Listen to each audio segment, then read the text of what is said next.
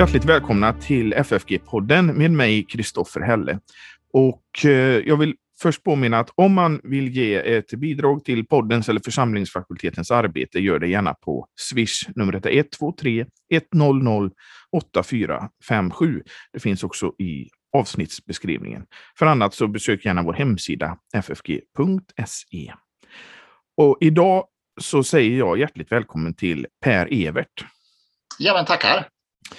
Eh, vi ska tala om det stundande kyrkovalet idag. Mm. Och eh, du är, är du ordförande för Klapphamn-institutet? Nej, om man, vi ska vara formella så, så är det Per Eriksson, för detta rektor i Lunds universitet, som är ordförande. Jag är direktor. Okej. Okay. Direktor, och det innebär? Ja, det innebär väl att eh, styrelsen och eh, ordföranden är, är rederi och det är jag som är kapten och kör båten och försöker samordna verksamheten och arbetet som vi gör som, som kristen tankesmedja och forskningsinstitut. Ja, så Klapphamninstitutet är en kristen ta tankesmedja och ett forskningsinstitut. Precis, det har funnits sedan 2008.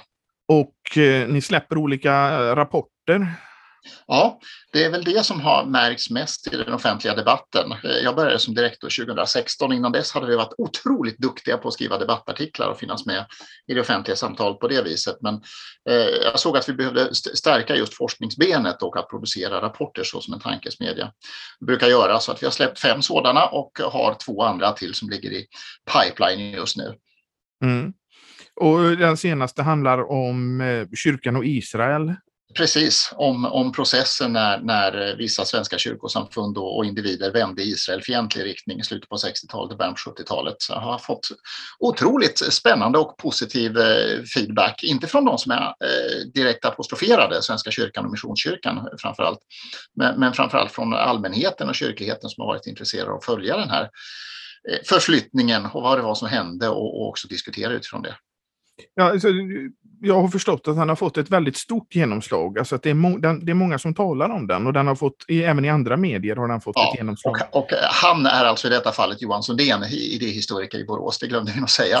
Ja, ja. Eh, men så är fallet i alla fall. Eh, jo då, eh, jag la just ut eh, information om det här tv-programmet Hotspot eh, från Vision Sverige och Världen idag. Det passerade precis nu 10 000 tittare bara på Youtube på två veckor. Så att det är tydligt att det finns ett stort intresse för det här typen mm. material. Och även för, om vi pratar Johan Sundén, så har han fått väldigt mycket uppmärksamhet för 68-kyrkan. Ja, tydligt även där att det finns någonting som, som folk är intresserade av och vill förstå. Hur kom det sig att kyrkan flyttade iväg sig i den här riktningen? Det, det är tydligt att det har diskuterats för lite. Mm. Och du är eh, doktorand. Mm. Eh, nästan färdig. Det, det, är det slutliga fixandet med detaljer, de akademiska detaljerna. Så jag hoppas att jag ska kunna lägga fram min doktorsavhandling på engelska eh, och en populariserad version på svenska i, i början på nästa år. Och vad är ditt ämne?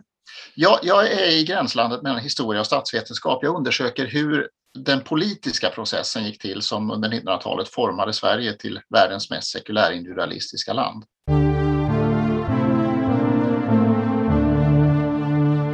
Då, då, kan vi ju gå över till det ämnet vi, vi, ska prata om. Vi ska prata om det här kyrkovalet som mm. eh, själva valdagen är ju på söndag. Och eh, jag kanske ska lägga in, in en brasklapp att jag får inte rösta. Nej, det får inte jag heller. Jag är medlem i en, svensk, i en frikyrka och vi gick ur den dåvarande statskyrkan precis innan den upphörde att vara statskyrka. Okej, okay, ja. Eh, jag, jag har gått ur Svenska kyrkan, men jag är ändå en hängiven lutheran. Så att, mm. det kanske säger en hel del. Ja, precis. Eh, men eh, kyrkan skilde sig från eh, staten för det är 21 år sedan nu. Mm. Hur kommer det sig då att vi har kyrkoval där politiska partier ställer upp? Det är en utomordentligt bra fråga som fler borde ställa sig. Det är ju en lång historisk process det här eh, som hänger ihop med, med egenskapen av statskyrka. Eh, men andra länder med, med nuvarande eller tidigare lutherska statskyrkor har ju inte det här systemet med politiska eh, partier som, som tar stor plats i kyrkopolitiken utan där är ju nomineringsgrupperna grundade utifrån eh, teologiska övertygelser eller andra typer av eh, grupperingar. Men, men just den här svenska politiska kopplingen hänger ju till nästan helt och hållet ihop med att just socialdemokratin har haft en så oerhört stark ambition att styra över kyrkopolitiken i Sverige och det är det som är resultatet till att partierna finns kvar än idag. Mm. Men då är de här andra lutherska kyrkorna eh, enligt till exempel Aftonbladets Anders Lindberg odemokratiska och fascistiska? Precis, det gäller ju inte bara de andra ländernas kyrkor, det gäller ju alla andra kyrkosamfund i Sverige. Eh, det gäller alla andra rörelser i Sverige, idrottsrörelsen, kulturrörelsen och så vidare. Det är ingen av de här som skulle komma på den märkliga idén att bjuda in de politiska partierna eh, när vi ska bestämma saker i våra kongresser eller vad, vad det nu heter i olika grupperingar. Mm. Nej, för att Anders Lindberg är ju den som, eh, som har gått hårdast åt det här på något sätt. Att eh, brunsmetning eller vad man ska säga och varnat för att det, det, här är inte demokratiskt och, ja, och allting sånt där. Och, och det där är ju ganska fånigt egentligen därför att han vet mycket väl att han, han liksom driver en tes som inte har bäring i verkligheten. Han vet att det här är den enda organisation som har det politiska inflytandet. Men ändå så fortsätter han att driva på det för att han följer egentligen partiets linje att försöka göra kyrkovalet och kyrkopolitiken till en konflikt mellan det parti som de tycker illa om, som är Sverigedemokraterna, och de själva som de menar då står för sans och balans och liksom eh, en, en hederlig demokratisk grundhållning. Alltså i den här debatten som är så tänker jag att det är väldigt lite teologi och väldigt mycket politik. Det är en alldeles riktig analys. Eh, jag gjorde så att jag eh, undersökte de tre partiernas valplattformar eh, på nätet och fick in en artikel i Svenska Dagbladet om det här söndag för två veckor sedan, alltså dagen innan förtidsröstningen började för kyrkovalet och det var en väldigt bra tid att kunna komma in med den. Ehm, för, för det är tre partier som är med i årets kyrkoval och så några som är liksom hangarounds till politiska partier. Men det är Socialdemokraterna, Centern och Sverigedemokraterna. Och, och den slutsats jag drog av årets kyrkovalsplattformar var ju att alla tre partierna egentligen på något vis inser att de inte har i kyrkan att göra därför att de förstår inte kyrkan, de förstår inte teologin, de förstår inte kyrkans uppdrag. Men de är där för att eh, motverka de andra på något vis. Ja, det, det, det, är nog en helt korrekt slutsats. För det, det, blir ju inte, när de här pajkastar mot varandra, mm. så gör det att de här vanliga nomineringsgrupperna som verkligen ändå försöker kommer i skymundan. Ja, Eh, och det är det som blir så absurt i de här tv-programmen. Jag var själv inbjuden eh, och var med i den tv-debatt som var häromkvällen. Sen drog de tillbaka den inbjudan, de kanske hade för många gäster eller någonting.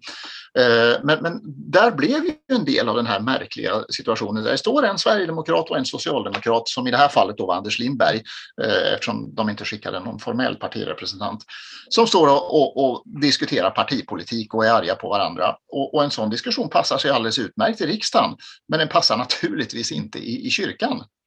Jag tyckte nästan det blev en, en liten mobbningssituation mot Fredrik Sidemall och Ann Heberlein.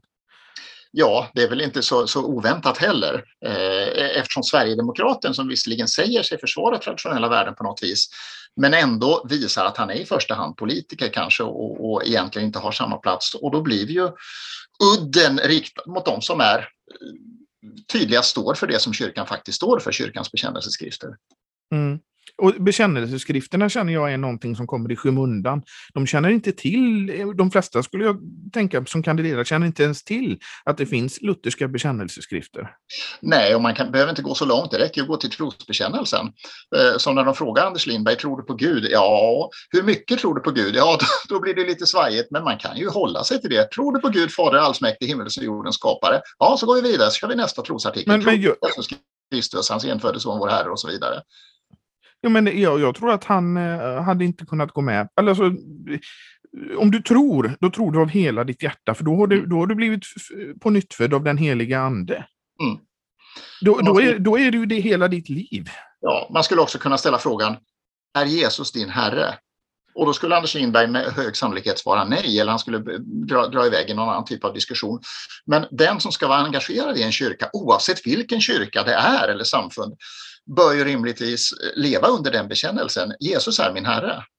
Ja, det, det tycker jag. Och det, det, det, tror jag att de flesta inte har koll på. De har inte koll på det här med Jesus som förlossare.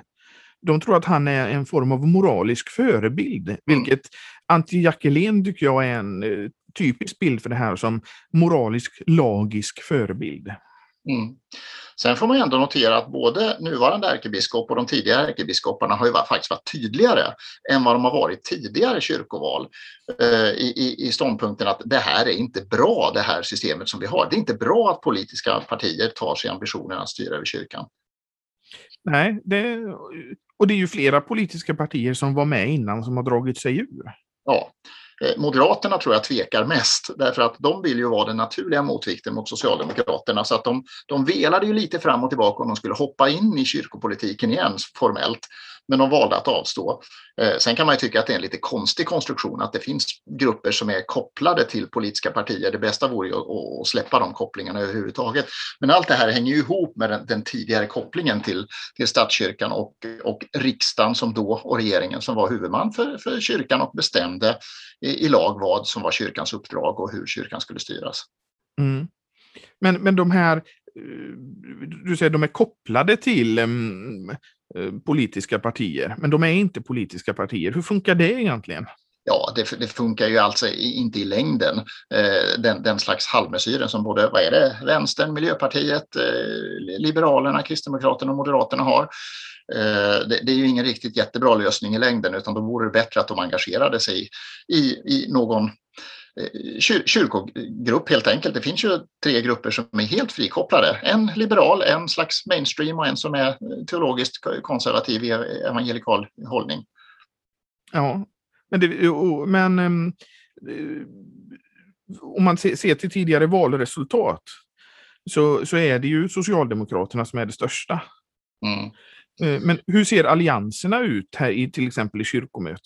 I praktiken är det ju så, och det vet alla som, jag har aldrig suttit i kyrkomötet, eh, men, men de som har varit engagerade i det, de säger att det är ett tydligt mönster att i praktiken är det Socialdemokraterna och Centern som kommer överens om hur vi ska göra och så gör vi på det sättet och så får de andra nomineringsgrupperna rätta sig efter det.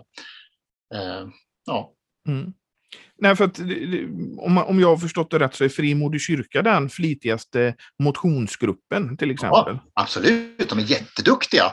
Därför att där så, uppfattar jag då som att de flesta finns som faktiskt eh, brinner för kyrkan och för kyrkans uppdrag och, vet vad kyrkan ska göra och därför är de målmedvetna att lägga motioner och liksom driva på arbetet. Men det är klart att de är ju marginaliserade i, i antal och i liksom, eh, det kyrkopolitiska spelet. Men om, om vi tittar nu så, så blir det ju väldigt mycket fokus på kyrkomötet. Det, mm. det centraliserade. Mm. Eh, Medan både kyrkan själva eh, och vad, vad, vad bekännelseskrifterna säger, så ska ju det utgå från församlingen. Det ska inte vara mm. det här centraliserade eh, enligt det lutherska, utan det ska vara att det utgår från församlingen. Men så blir det ju inte i det här fallet. Nej, och det där är en lång historisk process också. Eh, det politiska övertagandet, jag har studerat i, källmaterialet då hur man argumenterade Eh, under perioden som man flyttade över makten över kyrkan från de kyrkligt aktiva och biskoparna till politiker. Och den förändringen gjorde man ju först på lokalplanet 1930. Det var en omfattande politisk process som, som väldigt tydligt illustrerade de ideologiska skillnaderna och synen på kyrkans uppdrag. Och där var det ju socialdemokratin som var väldigt starkt drivande i att flytta över makten, först på det lokala planet till eh, partipolitiker. Mm. Och, och det, det, greppet har de ju den här eh, utnämningsmakten som de även har haft i, i det sekulära samhället, den har de också haft i kyrkan. Ja, regeringen hade ju möjligheten att tillsätta biskopar fram till att statskyrkan mm. formellt avskaffades. Sen var det inte så politiskt tydligt egentligen, politiskt styrande i biskopsutnämningarna fram till efter kvinnoprästreformen. Då eh, blev det tydligare att då valde regeringen alltid bort kandidater som hade motsatt sig eh, den förändringen och, och det kanske inte i sakfrågan i första hand, utan den diskussionen gällde ju faktiskt vilken som ska vara den yttersta auktoriteten för kyrkan. Och de traditionella, de menade att det är Bibeln och den kristna traditionen som ska vara auktoriteten och de som ville driva på en förändring, de ville införa en ny sekulär grund. Så att egentligen var det ju det som var den stora striden. Den bara råkade handla om just den konkreta frågan om kvinnliga präster. Ja, för om man tar kvinnliga präster, alltså de flesta var ju emot på den tiden. Mm, mm. Och, och, och ehm, det var ju bara en gång som de var, mer eller mindre var tvungna att utnämna en som var emot kvinnliga präster. Det var ju när Bertil Gärtner 1970 blev biskop i Göteborg. För då var ja. samtliga... För de trodde att han var minst farlig av de andra ruskiga typerna. Så ja. att Alva Myrdal satsade på den hästen och trodde att den var säkrast. Han hade ju varit i USA och kunde förväntas vara lite världsvan och sådär. Eh, men, men sen blev hon missnöjd. Och det är också en, en, en märklig paradox i sammanhanget att Alva Myrdal är Sveriges första kyrkominister sedan man delade på ecklesiastikdepartementet mm. 1968. En av den kristna trons skarpaste motståndare. Och den sista ecklesiastikministern före henne var Olof Palme, också en av trons mest skarpa och tydliga motståndare. Så det uttrycker väl någonting av det där hur, hur, hur viktigt det är med kyrkofrågor för för socialdemokratin, även om de inte tycker att kyrkan, tron är viktig. Men maktutövandet och förändringen av kyrkan har varit jätteviktig för socialdemokratin. Ja, alltså om man tittar bara från, eh, från de senaste 25 åren så har det varit en väldigt stor skillnad till att det blir mer och mer likt samhället och mindre och mindre kyrka. Mm. Och, och, den strategin har ju varit tydlig ända sedan början av 1900-talet. Eh, det har ju varit själva poängen i den socialdemokratiska kyrkopolitiken. Man vägde ju väldigt länge fram och tillbaka. Ska vi arbeta aktivt för att avskaffa kyrkan eh, ska avskaffa statskyrkan omedelbart? Ja, det var ju den, den, formella strategin ganska länge. Men samtidigt insåg man ju att precis som eh, Arthur Engberg skrev i sin, sin första kyrkopolitiska bok 1918, skrev han att man skulle ju faktiskt kunna göra tvärtom och använda statskyrkan som ett redskap för att avkristna landet. Rakt ut tydligt förklarar han att det var det som var strategin. Och det lyckades de ju faktiskt med i stor utsträckning, att avkristna landet genom den dåvarande statskyrkan.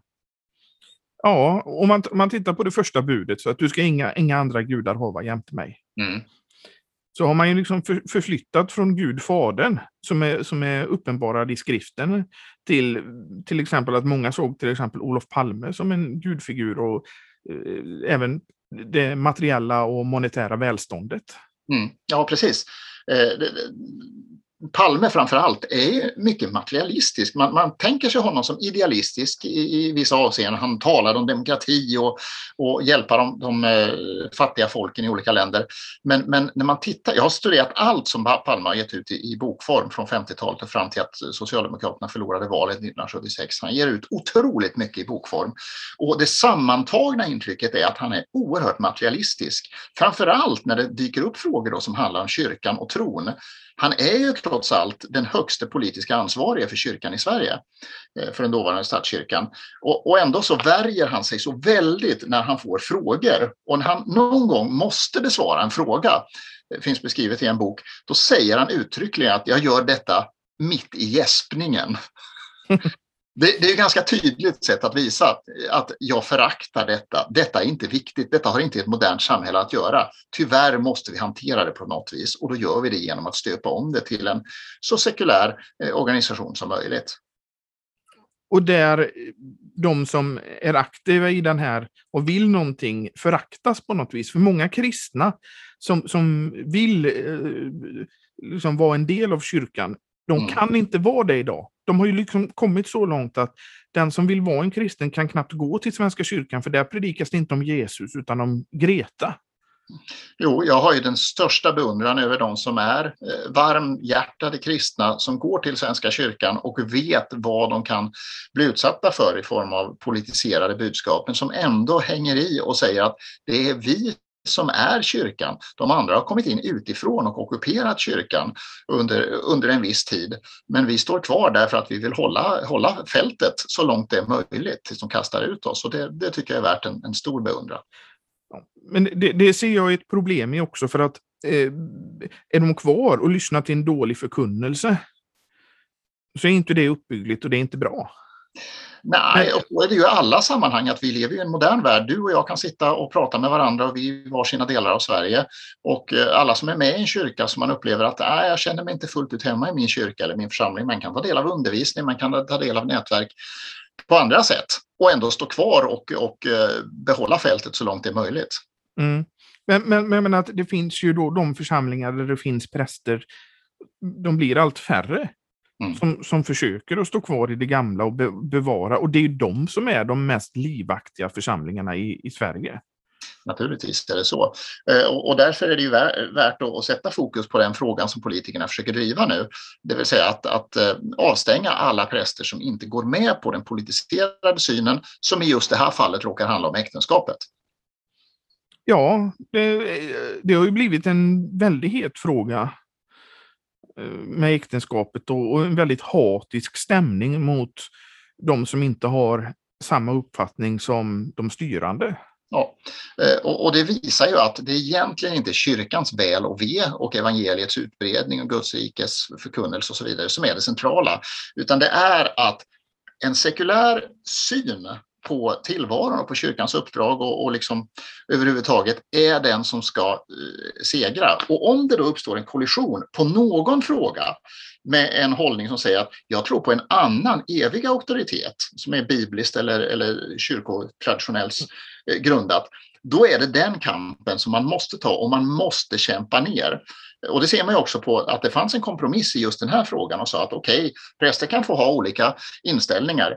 Sådana kompromisser, och det här är väldigt tydligt genom den kyrkopolitiska historien, sådana kompromisser betraktas alltid som tillfälliga i syfte att man ska flytta tröskeln och sen gå vidare därifrån och avskaffa den kompromissen.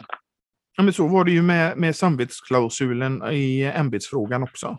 Precis, eh, och det skrivs faktiskt rakt ut i kvinnoprästutredningen från 1950 eh, som, där den viktigaste politiska representanten var Harald Hallén. Eh, eh, känner du till Harald Hallén mycket? Nej, inte så.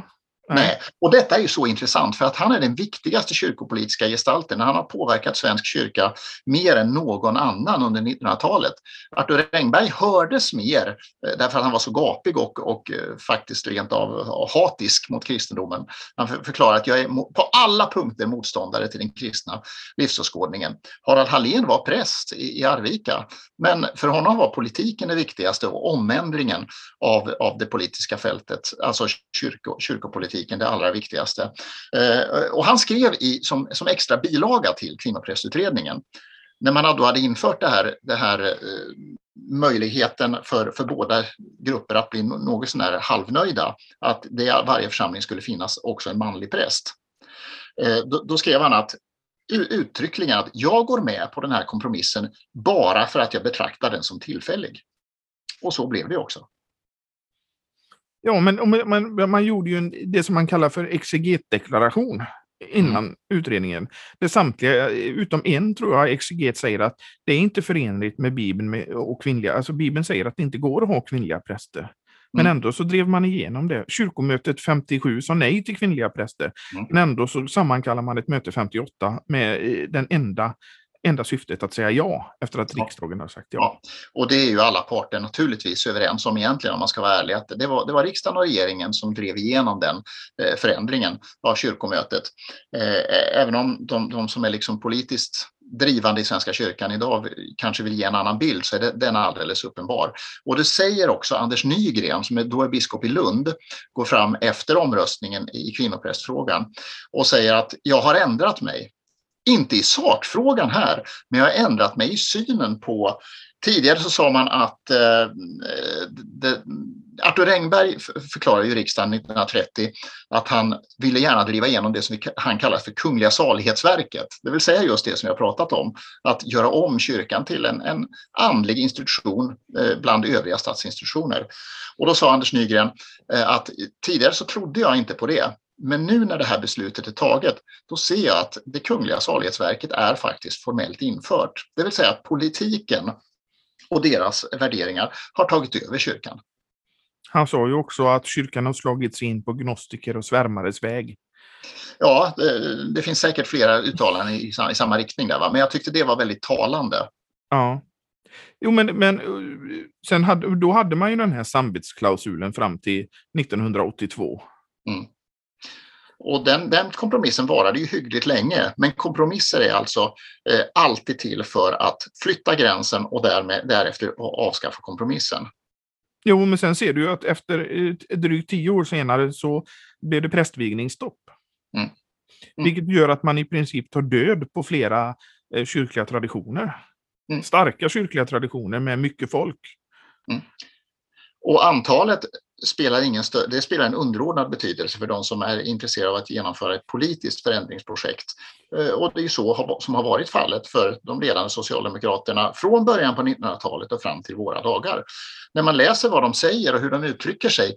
Eh, Claes Hansson har skrivit en alldeles utomordentlig genomgång av, av kyrkomöte och partipolitik. Och där gör han ju eh, intervjuer med de olika kyrkomötesrepresentanterna och intervjuar bland annat Jesper Eneroth, Socialdemokraternas gruppledare i kyrkomötet. Han är väldigt tydlig med att det är politik vi bedriver och det ska vi göra i kyrkan. Mm. Men, men om, man, om man tänker på hur, hur man gjorde med samvetsklausulen, att man liksom mm. skjuter det här framför sig hela tiden. Till slut så blir det prästvigningsstopp.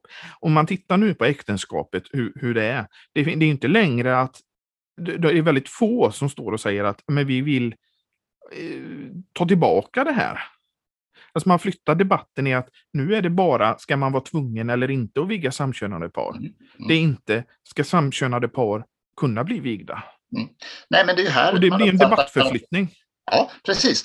Eh, man förflyttar alltid gränsen och man ser var kommer den stora konfliktytan mellan sekulärt tänkande med individens oberoende som det högsta av alla bud och en annan eh, auktoritet där man säger att Gud, skriften, är, är den yttersta auktoriteten för kyrkan. Just nu har den konfliktytan råkat att komma att stå i äktenskapsfrågan och då ser de, de sekulära krafterna det som den enda viktiga frågan att helt kämpa ner det eventuellt kvarvarande motstånd. Så att den som tror och hoppas på eh, att de politiska grupperingarna kommer att nöja sig med en eh, kompromiss så, så kommer de aldrig att göra det i den här frågan.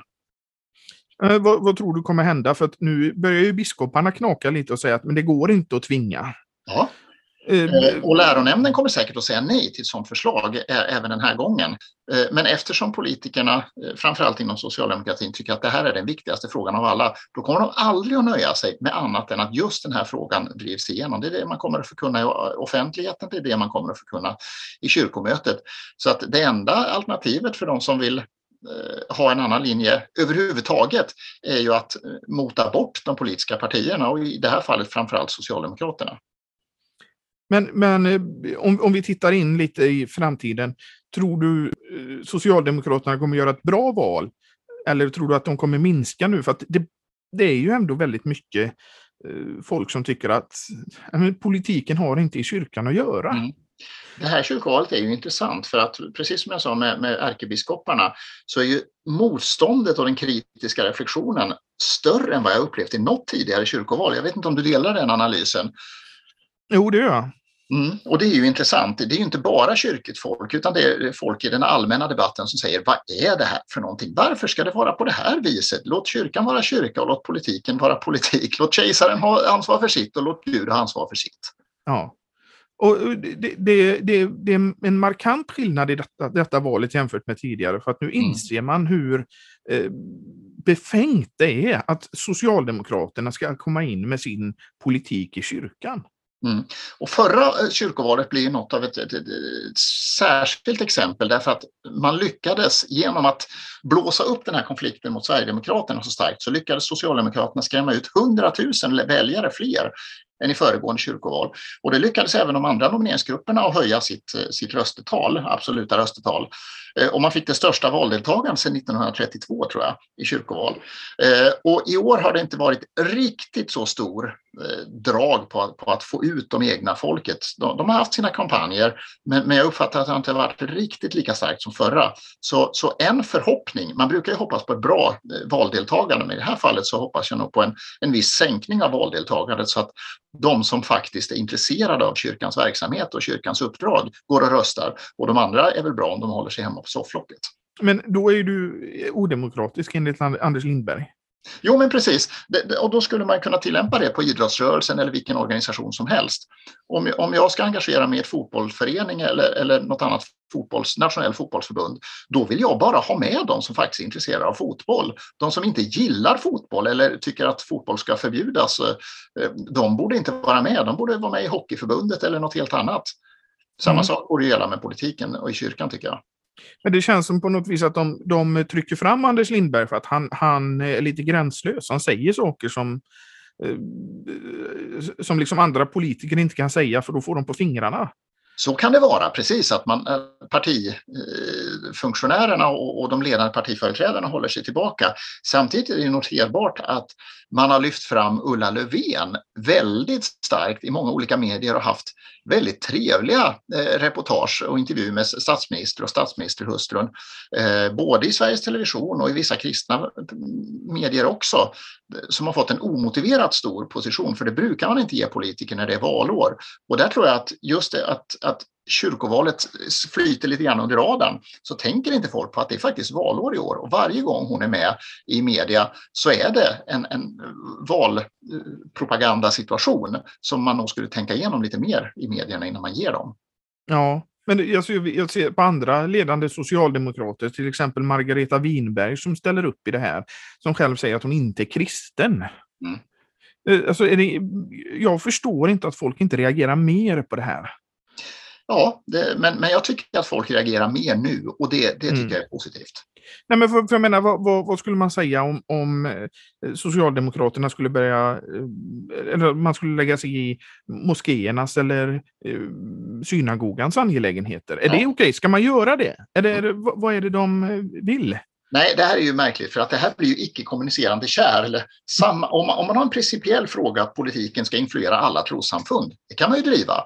Men då skulle det naturligtvis tillämpas i lika hög grad mot de muslimska eh, rörelserna och, och, församlingarna. Och det gör man naturligtvis inte för man förstår att eh, här finns det en annan hållning och de kommer man inte kunna kontrollera på samma sätt. Precis som eh, socialdemokratin har i alla tider varit väldigt oroliga för katolska kyrkan. För där förstår man att de verkar lyda under en högre auktoritet under påveämbetet och den kan politiken aldrig kontrollera. Eh, så därför ser man hela tiden i, i den, den, politiska debatten att, att eh, den svenska statskyrkan, lutherska statskyrkan, den tycker man om för att man vill påverka den och kontrollera den. Frikyrkorna förstår man inte så den undviker man att diskutera och katolska kyrkan är man rädd för därför att den, den verkar lyda under en högre auktoritet. Men Ekumeniakyrkan är ju ändå någonting som de har fått lite genomslag i. Ja, eh, det, det, får man ju säga att det, det synsättet, den liberala kristendomstolkningen har ju fått ett mycket större genomslag i det som idag då är eh, Ekumeniakyrkan. Och, och det måste ju varje kyrkosamfund själva vara fria och och föra sina diskussioner. Ska vi vara ett liberalt samfund? Ska vi vara ett eh, bibeltroget samfund? Eh, men det måste ju trots allt de engagerade själva besluta och inte partipolitiker. Ja, men i Svenska kyrkan så är det ju partipolitiker som har, har drivit igenom det här. Mm. Och det är väl självklart att en sån sak kan i svagare samfund bli ringar på vattnet, att de tar över det här. Precis, och man ser ju att den press som har utövats på eh, Svenska kyrkan, den sprids ju naturligtvis via Sveriges kristna råd och via andra ekumeniska organisationer och, och, och också från statsmakterna via Sida och andra eh, organ sprids ju också och blir en liknande press på de andra kyrkorna. Inte minst frikyrkorörelserna som kanske inte har samma stadga utan som är sprungna ur, ur gräsrötter Mm. Eh, från 1800-talets eh, väckelse och framåt. Och där behöver ju de kyrkorna naturligtvis vara mycket medvetna om den, den politiska ideologiska press som pågår och, och ha en medveten strategi för att hantera det. Eh, tror du att de har det? Eh, inte alltid, för att uttrycka det försiktigt. Jag är själv med i Evangeliska Frikyrkan och det, det, även i den kyrkan så pågår ju en, en stark ideologiserad press eh, som just råkar handla om frågor om sexualitet och äktenskap. Den kunde ha handlat om någonting annat, men i just vår tid så har striden mellan sekulärt och evangelikalt råkat komma att handla om just den frågan. Men om man, om man tittar på på eh, den lutherska ortodoxin. Mm. Så, hade, så under den här perioden så kom det väldigt många sådana stora dogmatiska verk. Och det har vi talat om i den här podden, jag och Torbjörn Johansson bland annat, när vi har pratat om vad är systematisk teologi. Mm. Men då ser man i de här systematiska verken att eh, vad som är den tidens stridsfrågor i kyrkan. Mm. Till exempel om man tar uh, Mattias Hafenreffer, har för mig, han lägger väldigt mycket på det här som heter kommunikatio idiomatum, som är hur uh, Jesu gudomliga och mänskliga natur samverkar med varandra. Mm. För då var det en stridsfråga. Ja. Men, i, men idag så är inte de här teologiska frågorna de här stora frågorna, utan det är samhällets frågor. Ja, och det är det som särskiljer vår tids kyrkopolitik så att säga från fornkyrkans kyrkopolitik om man ska använda motsvarande begrepp där. Där var det ju otroligt viktigt att skilja sund lära mot osund lära. Och om det är någon som uppträder med osund lära, då får vi exkommunikera dem eller göra något annat för att bibehålla den sunda läran. Och det står ju fortfarande inskrivet i Svenska kyrkans bekännelseskrifter också i, i statschefens uppdrag att man ska hålla sig till den, den rena evangeliska läran eller exakt hur det är formulerat. Du kan säkert det där bättre än jag som är teolog. Ja, det, det står någonting sånt. Ja, ja men, men det, det, det, är klart att det är problematiskt för en kyrka, vilken kyrka som helst, om de, de stora frågorna handlar om någonting som, som det sekulära samhället lägger på kyrkan och säger det här är den stora frågan och den ska ni diskutera och ni ska anamma en sekulär linje där just individens oberoende är det högsta av alla bud snarare än skriften. Mm. Men, men om man tittar på mm, hur det ser ut då i, idag. Så mm. förut, Luther var ju väldigt noga med att påpeka att lag och evangelium, det hör ihop. Mm. Lagen visar på vad som är fel och evangeliet botar det. Men idag så pratar man aldrig om lag och evangelium, för de är, de är två olika saker, men de är ändå oskiljaktiga. Mm. Och det är också framförallt för att de, de, som är sekulära politiker inte förstår den dimensionen och inte har för intresse att tillgodogöra sig den heller. Eh, den, den, största debatten om, om religion överhuvudtaget är från Socialdemokraternas partikongress 1944 när de diskuterar väldigt starkt. Ska vi avskaffa statskyrkan direkt eller ska vi stå kvar och påverka den inifrån? Eh, och, då visar man just att man är väldigt orolig för kyrkliga sammanhang som har framgång i form av man har många människor, man har engagerade präster och biskopar. Man är jätterädd för Manfred Björkqvist i Stockholm, som är ett nytt stift då, eh, och det inflytande man har, han har. Man är jätterädd för den chartauanska rörelsen på västkusten, just därför att man ser att här är en rörelse som blir svår att kontrollera. Och därför kan vi inte släppa kyrkan fri, utan vi måste ha det politiska trycket som håller de här rörelserna i schack. Och som, som, som själv del av den chartauanska rörelsen så vet man att den har fram till väldigt nyligen varit väldigt inomkyrklig och det är det som liksom har eh, varit ett litet problem tror jag. Att man mm. har varit så starkt knutna att man ska stå kvar i kyrkan. Eh, så att man, det har liksom gjort att det blir ingen tillväxt på prästfronten. Ja, eh, nej, sådana frågor måste ju kyrkfolk i, i alla kyrkor och samfund få möjlighet att, att utarbeta själva. Men när det hela tiden läggs politiska pålagor ovanifrån, då blir det ju naturligtvis ogörligt i längden. Jo, men, men tillbaka till det jag menade innan, att lag och evangelium. Då, lagen skrämmer dig till Kristus och, och, och där, där du, du liksom kommer till tro på honom som din frälsare. Mm.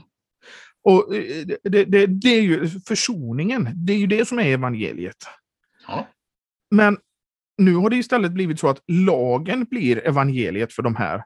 Du ska älska din nästa, du ska, du ska, du ska. Ja, det är, ju, det, det är nästan ett, ett, positivt sätt att beskriva det, för de skulle inte beskriva det som att de är intresserade av att i första hand följa Mose lag, att följa tio Guds bud och så vidare. Nej. Utan man är intresserad av, av, sekulära ideal helt enkelt. De ideal som man tycker är viktigast i, i det, det omkringliggande samhället, det är också det som ska drivas igenom i kyrkan. Ja, men det blir ju ett, ett, eh, en form av kärleksraster som den här, ja men det var som Gustav Aulén och till viss del Anders Nygren med den här Lunda-teologin, motivforskningen som var tidiga 1900-talet, där de sa att Aulén framförallt att man ska läsa Bibeln med agape, som mm. kärlek som, som raster. Den, den, den, den teologin är ju död i akademin, men den har ju liksom blommat ut fullt ut i kyrkan. Ja, man använder kärleken snarare som en, som en politisk slogan för att framföra ett politiskt budskap, ett individualiserat och sekulariserat budskap. Det är ju ingen socialdemokratisk eller, eller för den delen kanske annan partikopplad kyrkopolitiker som skulle säga Eh, ställa sig upp i kyrkomötet och säga nu instämmer jag med Jesus svar på den laglärdes fråga. Vilket är det största budet i lagen? Ja, det är att älska Herren din Gud av hela ditt hjärta, hela din själ och hela ditt förstånd. Det är ingen som skulle säga det därför att man har andra ideal och andra auktoriteter som inte är kopplade till Gud. Eh, och, det är klart att det skulle behövas fler kyrkopolitiker, kyrkoaktiva som faktiskt har det bud som Jesus anger som främst, främst också i sina egna hjärtan.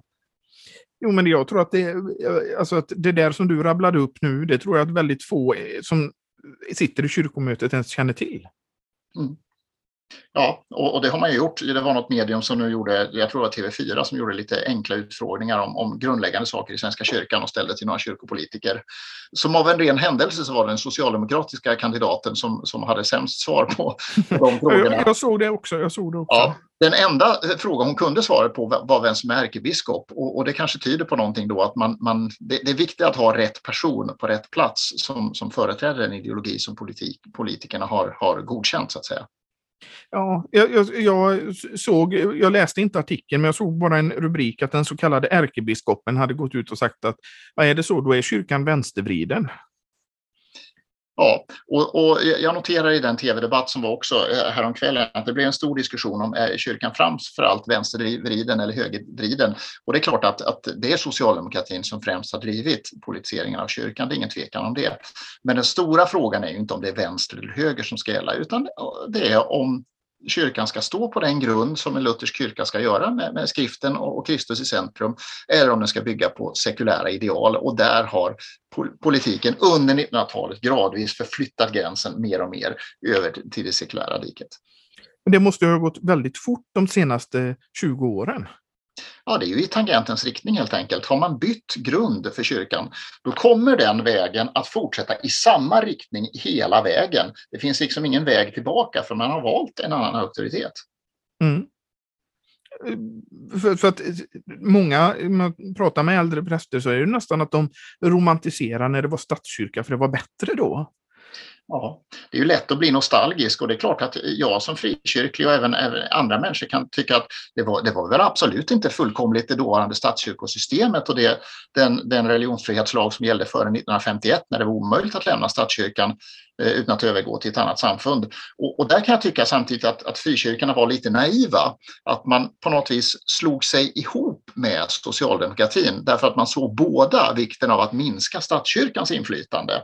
Och då såg inte frikyrkorna riktigt att det bakom det också fanns ett liksom grundläggande sekulariserande ideal i socialdemokratin som också i längden skulle komma att rikta sig, rikta udden mot frikyrkorna. Men om, om vi, vi jämför det här med att man vill avskaffa statskyrkan som Socialdemokraterna drev under en väldigt lång tid. Mm. Eh, de driver ju också frågan om, eller driver, men de har ju den i sitt partiprogram, frågan om att avskaffa monarkin till exempel. Ja. Mm, men det driver de inte lika hårt. Har de Nej. gjort på samma sätt genom att nästla sig in i monarkin? Ja, det är en intressant fråga. Jag har, i, min forskning så har jag också studerat bakgrundsdiskussionerna, de interna diskussionerna som finns protokollförda när Socialdemokraterna förändrar sina partiprogram. Och i det första mötet inför 1944 års partiprogram, just när de hade den här stora kyrkopolitiska debatten, då säger Per Albin Hansson på det första mötet att alltså, jag tycker vi ska titta på de här punkterna som egentligen mest har som skådebröd. Och då nämner han just statskyrkan, avskaffandet av statskyrkan och avskaffandet av monarkin. De frågorna avser vi ju i realiteten inte att driva, så därför tycker jag att vi ska ta bort dem. Men där blir ju Per Albin nedröstad. Um, och, och, men det, det, är noterbart att eh, om, om man vore ideologiskt målmedveten då skulle man driva monarkifrågan lika starkt som statskyrkofrågan. Så det tyder väl på att man ser att Eh, att Svenska kyrkan är en organisation som är lättare att kontrollera. Eh, eh monarkin är, för svår, den är för praktiskt svår så att den hoppar vi över så länge. Mm. Men, men ehm, eh, hur tycker du då att det har blivit efter eh, statskyrkans ehm, man säga, avskaffande? Har, har Socialdemokraterna stärkt eller har de försvagat sin ställning? Ja, det är det som är märkligt. Formellt har de ju försvagat den naturligtvis eftersom inte regering och riksdag har den formella makten över kyrkan längre. Men samtidigt har man ju ökat snarare intresset av att vara med och påverka. Och det säger också den som var sista kyrkoministern som var Marita Ulvskog, eh, som själv också beskriver sig då som icke-troende.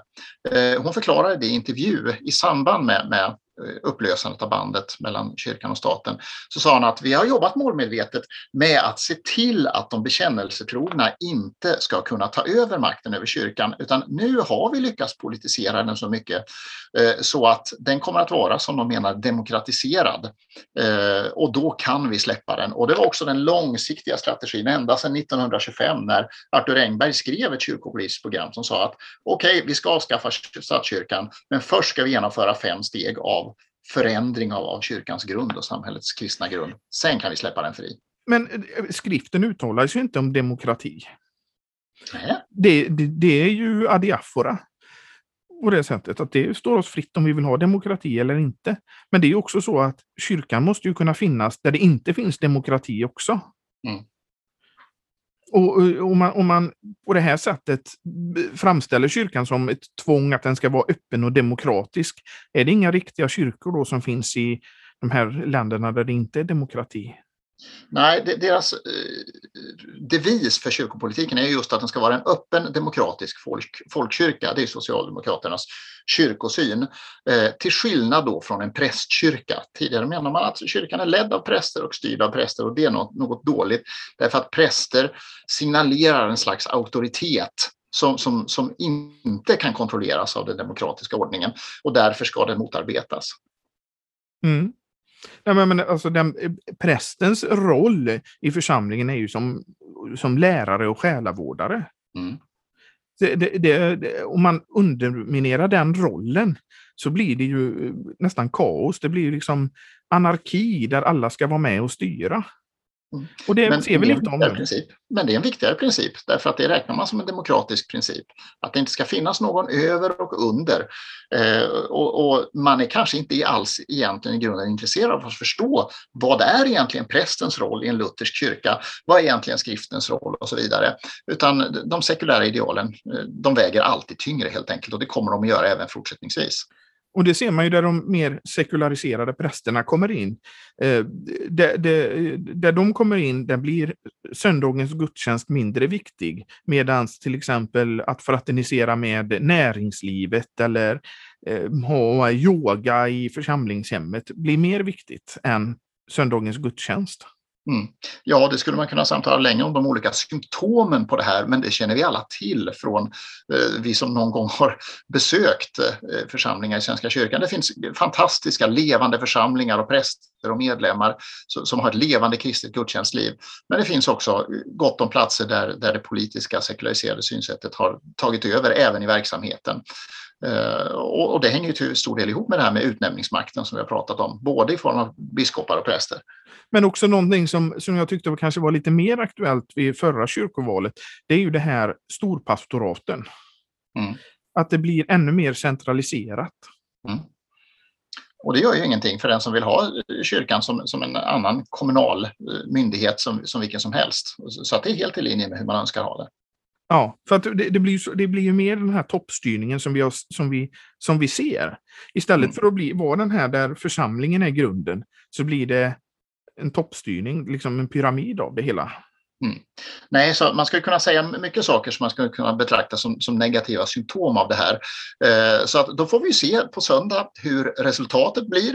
Eh, min, min fromma förhoppning får man väl nästan säga då eh, är att de som inte är intresserade av kyrkan inte går och röstar utan de som faktiskt är intresserade av kyrkan och deras uppdrag och hennes uppdrag går och röstar och, och att det blir ett resultat där förhoppningsvis i längden att framförallt socialdemokratin upplever att det kostar för mycket. Vi får för mycket badwill genom att hålla på att driva kyrkopolitik så att de till slut drar sig tillbaka. Det, det är väl den, den, stora förhoppningen för då kommer Centern och Sverigedemokraterna också försvinna. Men om, om vi nu säger det, det är din förhoppning, men Gud har också gett dig eh, ett förnuft. Mm. Och vad säger ditt förnuft? Hur blir det här resultatet? På jo, men förnuftet säger ju att Socialdemokraterna kommer att stanna så länge de upplever att de har någonting att vinna på att finnas kvar i kyrkopolitiken. Men om kostnaden blir för hög, och, jag tycker det är det som vi har sett i den här kyrkovalrörelsen, att trycket har varit så hårt på dem så att det skulle kunna vara så att i längden att de uppfattar det som att nej, vi, det, det, vi får för mycket badwill av att hålla på och driva kyrkopolitik. Vi kanske skulle dra oss tillbaka till den vanliga politiken och betrakta det här som en, som en rest från det statskyrkosystem som vi faktiskt lämnade för över två decennier sedan. Men du tror inte de ser det som en plantskola också, att de får vara med och Jo visst, visst är det så. Eh, en del frågor som man, de vill driva driver de ibland i riksdagen och ibland i kyrko, kyrkomötet och de, det där går liksom parallellt. Men om det, det, det, folkliga trycket från opinionsbildare och från, från medlemmar blir så starkt, då skulle det kunna vara så att de till slut drar sig tillbaka. Och det tror jag vore bäst för kyrkan på sikt. Men om, om vi nu ska tippa på valresultat ungefär här på, på söndag, vad tror du då? Eh, ja, om valdeltagandet är högt och, och, partierna lyckas få ut sina väljare, då, då, då, får de naturligtvis många röster. Men, men om folk till slut tröttnar på det här eh, och, och lyssnar på det här samtalet och det som var i tv och det som har varit i radio och inser att jag, jag vill inte längre gå och lägga min röst på partier, eh, då, då får man ju hoppas att, att det, där, den röstandelen ska kunna minska. Jag, jag känner i min bubbla att även de som inte tror, mm. men som är medlemmar i Svenska kyrkan, vid det här valet som vi har pratat om innan så är de nog beredda att gå och lägga sin röst på någonting eh, som inte är ett politiskt parti. Mm, mm. Och det är en positiv utveckling som, som jag tycker vi kan beskriva som en, en from förhoppning. Ja, men sen får man också tänka på att många av de här eh, personerna som i hela sitt liv aldrig har lyssnat på politik utan av ren tradition röstat på, på Socialdemokraterna, de börjar försvinna. Det ser vi också i, i valresultatet i, i riksdagen. Att, att de sjunker för de här som, som liksom automatiskt bara går och tar en socialdemokratisk valsedel de, eh, de, blir färre och färre. Ja, socialdemokratin står ju inför en demografisk utmaning som är väldigt svårhanterlig. Och i den vanliga politiken då kan man göra det genom att byta väljargrupp.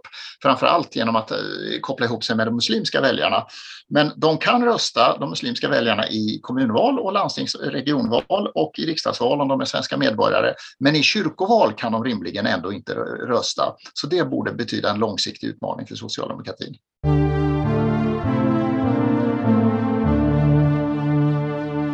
Jag vill tacka dig för att du var med i podden. Tacka för ett, ett engagerande samtal om saker som inte alltid har tyckt ha varit bra, men det är bra att lufta de här sakerna. Ja. Det, men det är också att vi kan ge våra lyssnare en liten bild av hur viktigt för de som är medlemmar att gå och rösta på någonting eh, som inte är ett politiskt parti om man vill ha en kyrka. Mm. Amen to that. Ja. Och eh, jag säger till, till, våra lyssnare att om man vill ge ett bidrag så kan man göra det på Swish. Numret finns i avsnitt, avsnittsbeskrivningen. Och för mer om vad som händer på församlingsfakulteten besök vår hemsida ffg.se. Och än en gång tack till dig Per för att du var med och jag hoppas att du kan vara med någon gång snart igen i podden. Tack så mycket. På återhörande. Det, detsamma. Hej!